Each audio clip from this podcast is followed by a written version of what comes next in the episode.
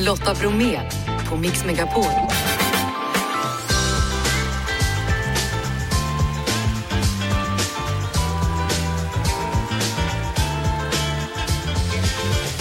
Hej! Lotta Bromé är ledig idag. Jag heter Madeleine Kilman. Idag ska vi prata med Lale om hur det är att träffa sina fans. Vi ska också prata om både skogsbränder och om varför Österlen är så bra. Och så får jag besök av nya landshövdingen för Stockholms län, Anna Kinberg Batra. Jag kommer fråga hur bra kompis hon egentligen är med kungen och så är jag nyfiken på vad som händer efter partiledardebatterna i tv. Hon var ju partiledare tidigare. Du vet när de står och bråkar med varandra och är så arga. Vad händer när tv-programmet är slut? Är de kompisar och går ut och äter hamburgare sen? Eller vad är bråk? Fortsätter de bråka? Det ska jag ta reda på. Och så får vi Annas serietips. Nu kör vi. Varmt välkommen. Det är den 15 juni idag. Snart är det dags för alla sommarturnéer att dra igång. En av dem som ska ut på turné är Lale. Turnépremiär blir det i Helsingborg den 28 juli. Hej! Hej! Kul att se dig. Ja, men detsamma. Du, det finns ju en film, en konsertfilm, Ja. utlagd på SVT som jag satt och kollade på igår. Och det är från Ullevi Ja. förra året. Bakom kulisserna du står liksom med mikrofonen och är beredd. Ja. Och så när du kliver ut på scenen så kommer det här från publiken. Det här. Ja. Jag fick tårar i ögonen. Hur Åh. känns det då för dig? Jag fick tårar i ögonen då också. Men så var det introt är cool. mycket längre, så de spelade lite längre. Ah. De höll på lite extra där, för de märkte att hon Du behövde lite tid. Ja, hon bara, nu håller hon på igen, nu får vi förlänga introt. Så då förlängde de det, men det är väldigt magiskt, absolut. Vad tänker du då när du hör det här? Det här de här människorna som kommer dit för de tycker att du är så fantastisk. Men jag tänker att det finns så, så många bra människor där ute. Det är så lätt att, jag menar den här världen och du vet hur allt, alltså vi får ju en väldigt dyster framtidsbild utmålad för oss. Men nej, jag blir definitivt hoppfull och glad och känner mig trygg eller du vet så här, ja, men det finns ändå hopp. Du var här för, för nu är det ganska många år sedan, gjorde en sån här Mix Unplugged-spelning här på vårt kontor. Just det. Vilket ju var, det var ju svinbra, men så var det så kul för att du behövde något att slå på, så du lånade en bricka av oss. Som du Ah. åt och stampa på så här. Men då var det ju några av liksom dina största fans som var här. Och som ju var så fina och liksom så kärleksfulla. Hur är du i mötet med dina fans? Känns det obekvämt för dig eller är det liksom bara som, hej mina kompisar, eller hur känner du? de är väldigt eh, visa. Jag vet inte, men jag har ett väldigt stort förtroende för dem i alla fall. Det känns som att de är väldigt sådär, de har någonting speciellt och de, ja. Så nej, jag, jag tycker det är mysigt. Man kanske får de fans man förtjänar, kan det vara så möjligtvis? Men kanske, jag, ho- ja, det, ja, men det kanske är så. Då, då har jag gjort ett bra jobb. Det har du definitivt gjort. Du, nu har du ju hållit på så himla länge. Vad är det du har lärt dig om dig själv under alla dina år som artist? Jag har lärt mig att försöka ha lite mer roligt men också planera mycket noggrant och sen faktiskt följa mina, fullfölja mina idéer. För det är inte alla som tycker att det är kul att man ska ha en satellitscen eller man ska ha så här många dansare eller ah, men ska vi inte bjuda in en kör? Ja, vad kul! Det tycker ju inte kanske alla som planerar och jobbar. och liksom fortsätta kämpa för sina idéer och, eh, och stå fast vid visioner och så vidare. Så att jag har blivit bättre på att få en idé och förverkliga den och inte kompromissa. Eh, för det har jag varit bra på när det kommer till musik och skrivande, det som jag har makt över.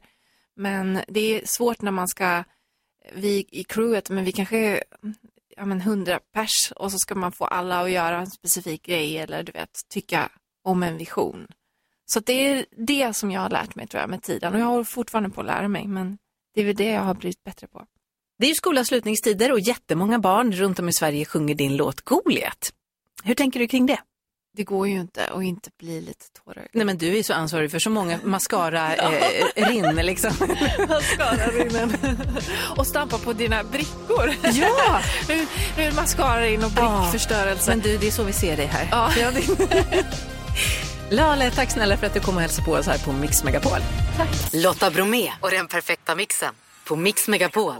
SMHI har gått ut och varnat för att det torra vädret gör att risken för bränder i skog och mark är stor.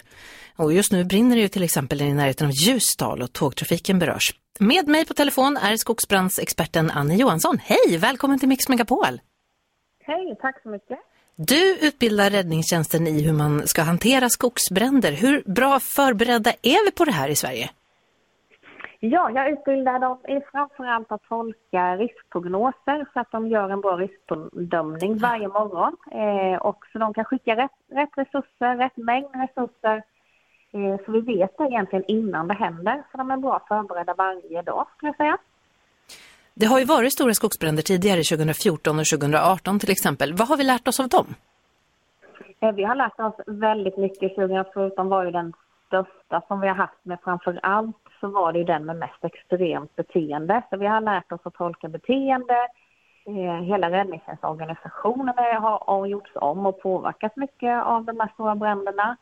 Skogsbruket, som har varit en anledning till att eh, bränder har tänts, har infört ett stort system när det gäller att inte starta bränder, vilka åtgärder de ska göra innan de är ute med maskiner. Eh, och i vissa risker som nu till exempel så är det många som stoppar sina maskiner så vi inte tänder något. Mm. Eh, så vi jobbar på många fronter skulle jag säga. När det gäller den Ljusdalsbranden så, så har jag läst att det var gnistor från tågen som satte fjutt på det torra gräset. Är det en vanlig orsak till skogsbränder? Det är en av de orsakerna och just när tåget tänder så brukar det inte hända längs en lång sträcka så det blir många, många tändpunkter vilket kan vara svårt att hantera. Eh, men tåget är en av dem. Eh, blixtar är ju en vanlig. Eh, tidigare i alla fall har det varit barn som leker med eld eller någon som eldar gräs på våren och är oförsiktig. Och att man inte har skött sin vägreld ordentligt, inte har släckt den när man går därifrån och det ligger lite glöd som tar sig igen. Så det finns en, eh, flera orsaker. Jag minns från skolan, då pratade man om att men det kan vara bra också att det brinner, alltså ur rent ekologisk eh, synvinkel. Hur kommer ja, det sig? Ekologiskt, ja, ekologiskt så är ju bränder väldigt, väldigt positivt. Hela Sverige har ju tidigare brunnit med mycket högre brandfrekvens än vad den gör nu. Eh, förr i tiden så kunde ju en skogsbrand vara 50 000 eller 100 000 hektar eh, och ekosystemet är ju uppbyggt eh, med branden som en faktor. Vi har många arter som är gynnade av brand och vi har många arter som är beroende av eh, bränder. Alltså de kan inte leva utan bränder och det är de som vi gynnar när vi gör eh, kontrollerade bränningar. Vad ska jag tänka på då? Om jag ska ut i skogen nu då? Vad ska jag tänka på så att det inte, att det inte blir en brand? Eh, framförallt så är det ju totalt eldningsförbud. Eh, det är inga eldar, eh, ingen grillning, ingen rökning. Eh, gasolköken ska du helst inte heller använda. Eh, så att ta med all mat, färdiglagad mat och dricka. Eh, det är väl framförallt det. Jag tar med en macka. ja, ta med en macka eller annat gott. Men det, det är i alla fall maten ska vara färdiglagad innan du går ut. Mm. Eh, det är nog det bästa tipset tror jag. Det låter klokt. Anne Johansson, skogsbrandsexpert, tack snälla för att vi fick ringa till dig här i Mix Megapol. Ja, tack. Lotta Bromé och den perfekta mixen på Mix Megapol. Lotta är ledig, jag heter Madeleine Kilman och jag har fått fint besök här i studion av en kvinna som i nästan 20 år satt i riksdagen. Två av de åren var hon partiledare för Moderaterna och nu i mars i år fick hon en ny titel. Hej, Anna Kinberg Batra. Hej! Välkommen till Mix Megapol. Tack! Du har gått och blivit landshövding. Mm. Vad gör en landshövding? Massa olika saker. Nu har jag varit landshövding i drygt hundra dagar. Ingen har ju varit lik någon annan för det första. Lite är det som att vara ambassadör fast inrikes kan man väl säga. Jag ska representera staten i Stockholm och jag ska säga till regeringen om det är något med Stockholm som de verkligen behöver tänka på. Eh, jag är chef över en statlig myndighet med 550 anställda som har skarp makt i ganska många viktiga frågor. Vi ska tillämpa en massa lagar och förordningar och se till att det funkar. när jag var barn så var landshövding, det var ju en sån här reträttpost, det visste man ju. Att, som en sån slutstation för förbrukade politiker och så visste man inte riktigt vem det var och så gick de i pension och det verkade ganska laid back att ha det jobbet.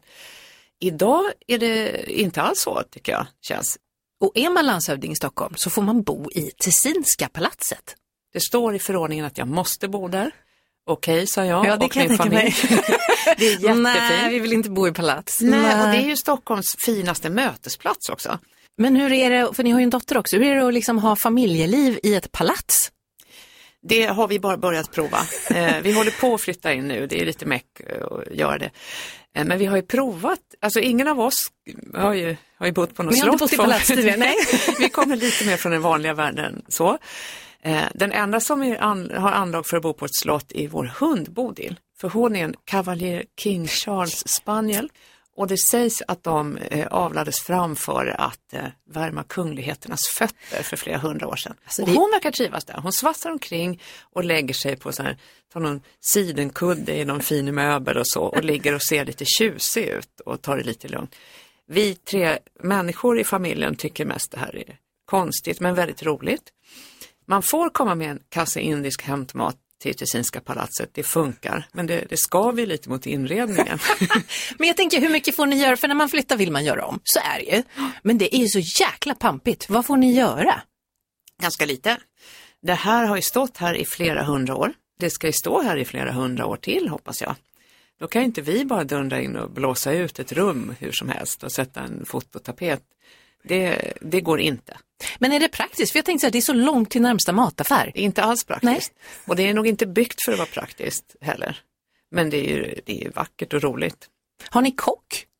Eh, nej, inte till vardags. Då, då ska vi väl leva där så vanligt som möjligt. Så då lagar man sin egen mat och så. Men när det är stora kalas eller små, om jag har eh, om jag tar emot en ambassadör eller generaldirektör och har ett möte där, eh, då kommer det någon med en silverbricka med någonting. Det kan ju hända. Och när vi har större kalas, då är det ju såklart, då kommer det en kock och, så, och serveringspersonal då. En helt eh, annan sak. Sveriges olympiska kommitté har idag berättat att kanske, kanske, kanske, kanske så småningom kan det bli OS i Sverige. Ja, jobbet verkar gå vidare i alla fall. Vad kan du säga om det här? Nu får ju inte du säga allt du vet kanske då, men Nej, och det är ju Sveriges olympiska kommitté som ska berätta det här och gör, gör det idag då. Men det är klart det vore kul om Sverige kan stå värd för vinter-OS, om det är ekonomiskt hållbart, om det är miljömässigt hållbart. Men om det är något land i världen som kan göra det när det gäller vintersport dessutom, då är det ju Sverige. Det är klart det skulle vara roligt. det är så spännande att prata med dig Anna Kinberg Batra. Vi ska prata mer strax i Mix Megapol. Lotta Bromé och den perfekta mixen på Mix Megapol. Idag så meddelade Per Bolund att han inte vill bli omvald som språkrör för Miljöpartiet. Ni har ju jobbat tillsammans. Saknar du det politiska arbetet? Ja, innehållet saknar jag. Eh, per Bolund som person saknar jag lite. Det ska man passa på att säga en sån här dag. Han får så mycket skäll av så många andra. Men vi har jobbat ihop i många år och satt i riksdagens finansutskott tillsammans en gång i tiden. Och man kommer varandra ganska nära på den där nivån som partiledare och språkrör är, för det är ett rätt speciellt jobb. Alla andra skäller på en eh, och själv försöker man göra sitt allra, allra bästa för att liksom ändå vrida samhället i en bättre riktning. Och det förtjänar respekt och det förtjänar även han. Det som händer i samhället, vi måste in och nosa lite på det just nu, men jag tänker på alla de här skjutningarna som har varit. Hur, hur reagerar du? med fasa. Eh, och särskilt om man är förälder själv, tror jag. Det är ju bedrövligt och framförallt att det kryper så långt ner i åldrarna. Jag träffade polisen eh, bara häromdagen, det gör jag ibland, det är en del av mitt jobb såklart. Jag ska jobba med statens viktigaste uppgifter i Stockholm. Och det här, eh, det här är kanske den viktigaste uppgiften för staten just nu. Och då är det inte bara, då är inte bara polisen utan då handlar det också om varför barn och unga blir kriminella överhuvudtaget. Och då berättar ju poliserna för mig att det kan ju vara tonåringar och till och med ännu yngre som dras in i kriminalitet och då kan ju hela deras liv bli förstörda. Och då behöver man ju knyta ihop både polis med de som kan, ja med skola till exempel, psykiatri och sådana där. Så det har jag tagit initiativ till att göra så fort skolorna börjar. Det är så läskigt för att det känns som att det är helt andra ramar för hur de tycker att ett liv ska se ut. Ja, och det drabbar ju alla. Eh, nu när vi träffas här så var det bara dagar efter det här fasansfulla dådet där folk dog i Farsta. Och då hade de ju riktat automateld mot en tunnelbaneuppgång. Det betyder ju verkligen att det drabbar väldigt, väldigt många. Då drabbar det liksom hela samhället. Men helst vill man ju bryta den där utvecklingen så att färre hamnar i det där överhuvudtaget. Är du orolig när du går ut? Jag tror alla är det lite, just med, med att det här fruktansvärda och även dödliga våldet har dykt upp lite överallt. Jag tänkte vi skulle återvända lite till, till eh, politiken. Vi nämnde Per Bolund där. Jag satt och kollade på eh, partiledardebatt häromdagen. Det kan ju vara väldigt hetskt. Men snälla Magdalena Andersson, vad händer när programmet är slut? Det där är nästan vanligaste frågan man brukar få från barn. när det kommer så här skolklasser och hälsar på i riksdagen och sådär. Ja. Och svaret på det är ofta nej. Ibland, ibland, ibland kan man tycka att det där var över gränsen och det där blev för personligt. Och så kan man vara sur på någon i tre dagar eller så. Men ofta så har man väldigt bra respekt för varandra som personer. Och sen är man jättearg på varandra i sakfråga sådär. Men eh, en grej jag inte saknar med politiken det är ju liksom debattklimatet faktiskt. Mm. Alltså tv-debatterna och sen sociala medier verkligen slog igenom ordentligt. Då blir det ju väldigt så här, snabba, korta små pilar som man kastar på varandra med korta repliker, känsloladdade grejer, medvetna fultolkningar för att piska upp en konflikt. Och det blir ju inte mycket bättre av överhuvudtaget. Det är ingen som bygger demokrati Nej. eller som lockar folk till att jobba politiskt eller som gör samhället starkare alls. Och vi väljare tycker inte om det heller. Nej. För säg vad ni vill göra, stå inte och kasta paj på varandra. Verkligen. Du, eh, vi ska prata mer, vi ska prata lite om kungen. Ja. För du ska ju hänga med honom. Jaha. Ja. Det är mitt jobb. Också roligt. Lillos. Ja, ja, ja. Jag har så mycket roligt. Anna Kinberg Batra är här i Mix Megapol. Lotta Bromé och den perfekta mixen på Mix Megapol. Du, vi är inne i jubileumsåret 2023. Kungen har varit kung i 50 år. Det är stort. Arbetslinjen ändå. Ja, arbetsmoralen är bra. Den är stark alltså. Ja. Och om precis en vecka är det din tur att vara värd, för då är det liksom Stockholms län som gäller. Vad ska ni göra? Det är extra roligt här, tycker vi. Eh, både för att jag själv är stockholmare, men för att han ju är det också. Han bor ju här. Han har sitt kontor mitt emot landshövdingens mm. residens. Vi behöver inte ordna någon särskild transport liksom, hem.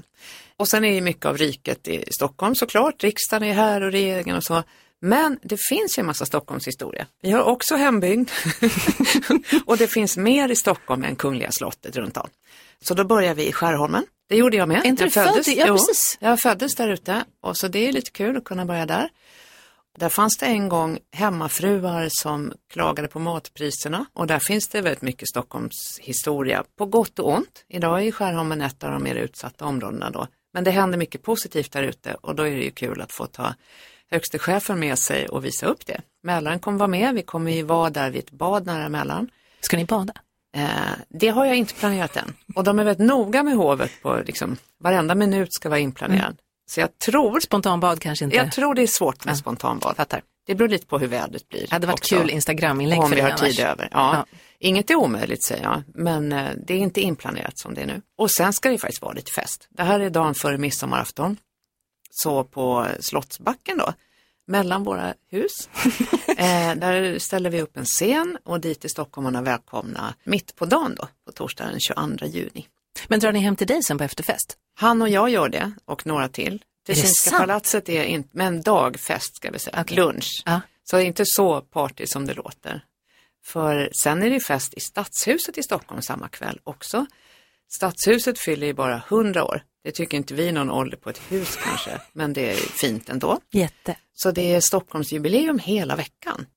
Det känns som att du befinner dig i så många olika sammanhang. Mm. För dels har du, du lever ju familjeliv, du har ju barn och hund och allt det här och det är ju sådana saker. Din man är komiker, du har varit partiledare, du träffar kungen.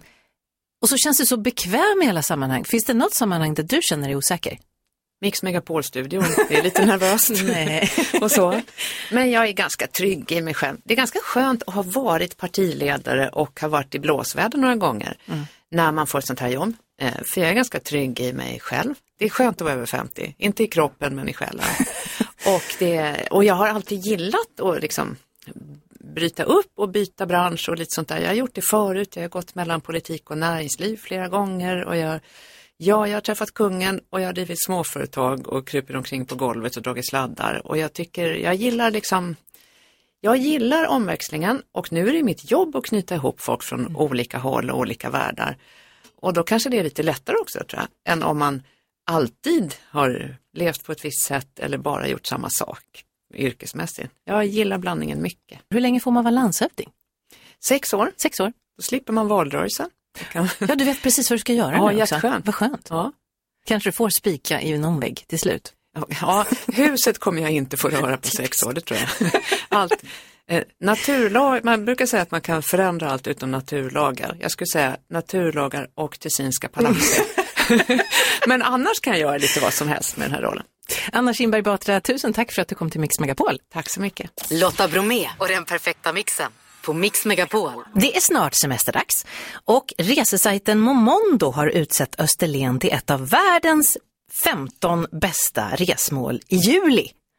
Men vad är det då som gör Österlen så himla speciellt? Jag har ringt Karl Fredrik Gustafsson, också känd som Karl Fredrik på Österlen. Hej! Hej, hallå där! Hej! Du är i hjärtat av Österlen. Jajamän, vi är i hjärtat av Österlen. Vi bor ju i Hagesta radby och det ligger ju nära Borrby som man brukar säga är just hjärtat av Österlen. Just det. Men du, vad är det med Österlen som är så himla härligt? Jo men mellan himmel och hav, där ligger den här jordbruksmarken som kallas Österlen. Och här, här finns det så mycket vackert, det är så naturskönt och sådär lite oexploaterat. Det är inte så hög urbaniseringsgrad som man brukar säga. Och jordbrukarna brukar jorden efter säsong och konstnärerna målar och eh, turisterna strömmar till och vi andra vi njuter. Men var är du från från början? Ja, men jag kommer ju från Örebro från början. Örebro, det är lite gnälligt, Närke. Ja, lite sådär. Och jag har blivit helt kär i Österlen. Och jag har ju bott där tillsammans med min fästman Petter sedan 2015. Hur hamnade ni där? Var det liksom att du ville odla grejer som gjorde att det blev, att det blev Österlen, eller?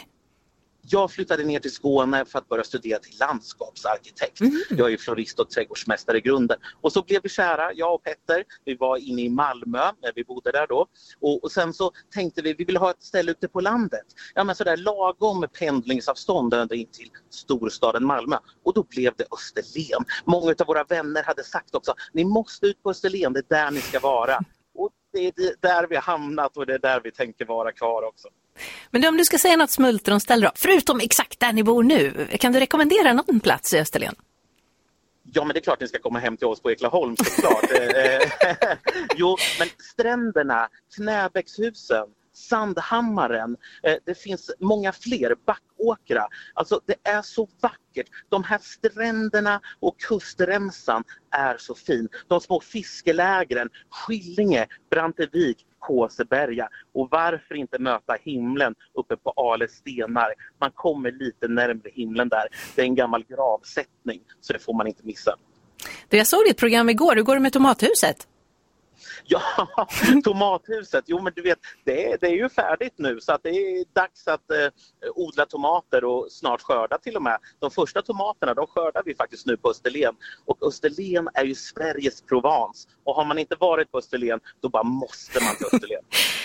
Karl Fredrik, kan det vara så att du trivs på Österlen?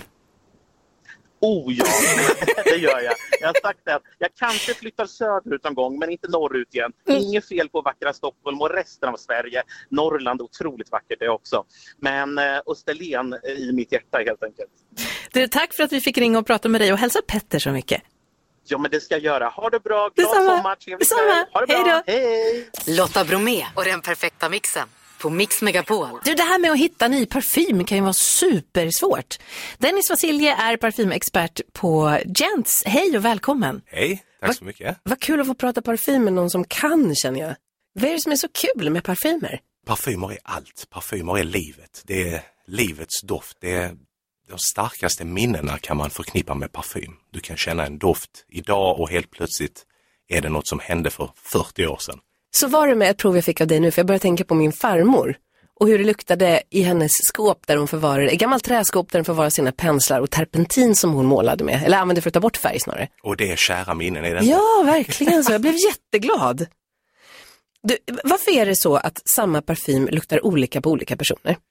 Ja, varför är ju väldigt invecklat, men jag kan ju ta ett exempel där eh, jag och min fru provar samma doft och den doftar väldigt annorlunda på oss. Och det är beroende på hudtyp, pH-värde, vad man har ätit, eh, ja många faktorer. Eh, Hormonellt är det rätt så hormonellt faktiskt. Vi tjejer har ju inga svängningar i det, det vet du. Inte alls. Nej, det har vi verkligen inte.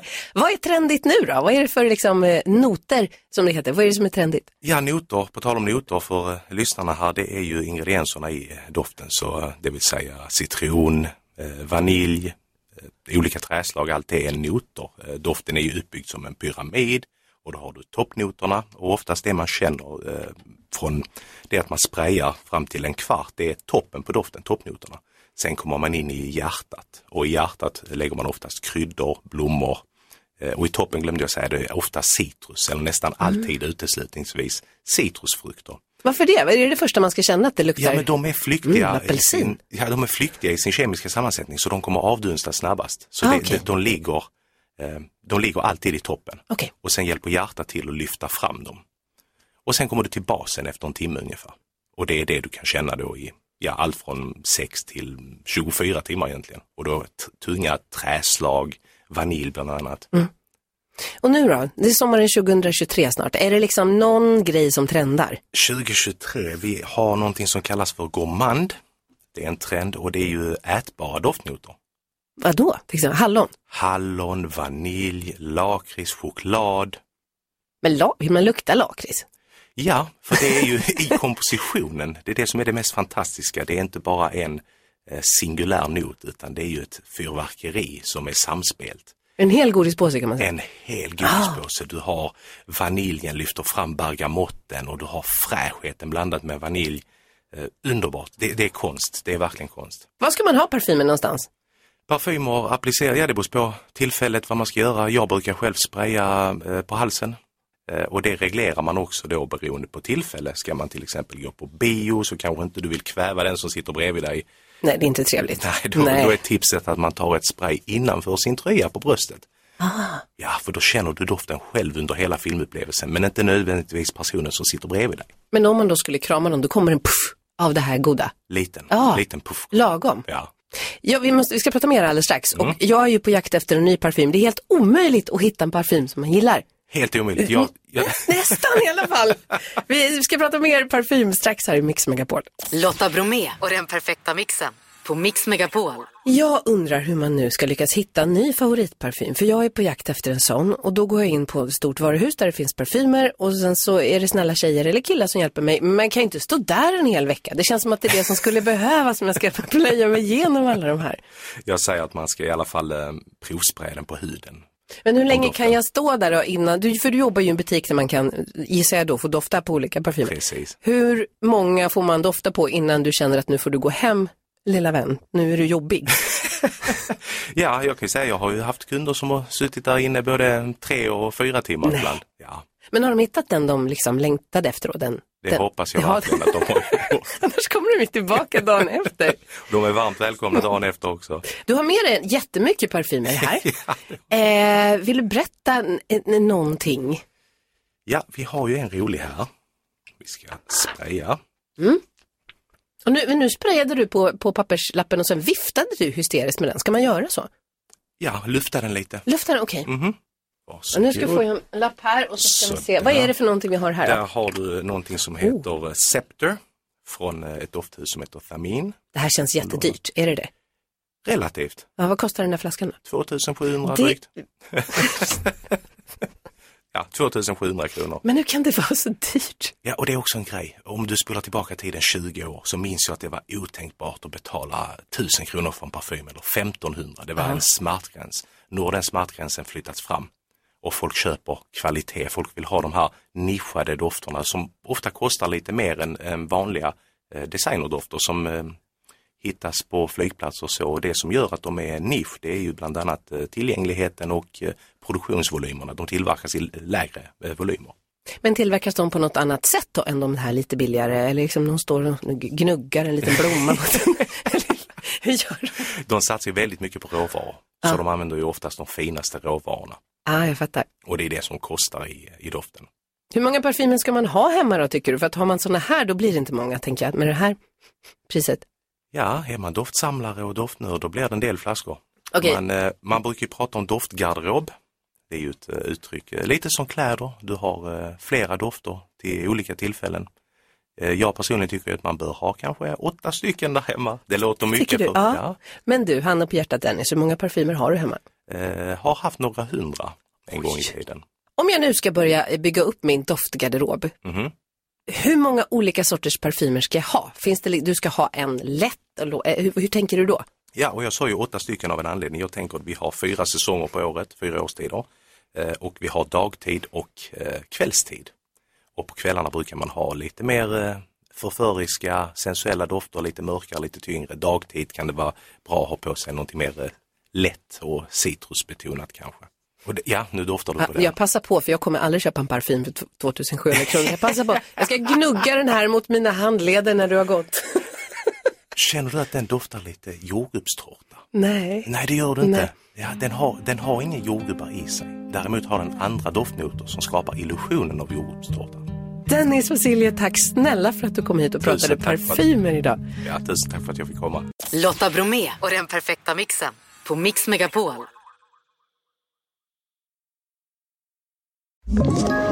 Ett poddtips från Podplay. I fallen jag aldrig glömmer djupdyker Hasse Aro i arbetet bakom några av Sveriges mest uppseendeväckande brottsutredningar. Går vi in med hemlig telefonavlyssning och, och då upplever vi att vi får en total förändring av hans beteende. Vad är det som händer nu? Vem är det som läcker? Och så säger han att jag är kriminell, jag har varit kriminell i hela mitt liv men att mörda ett barn, där går min gräns.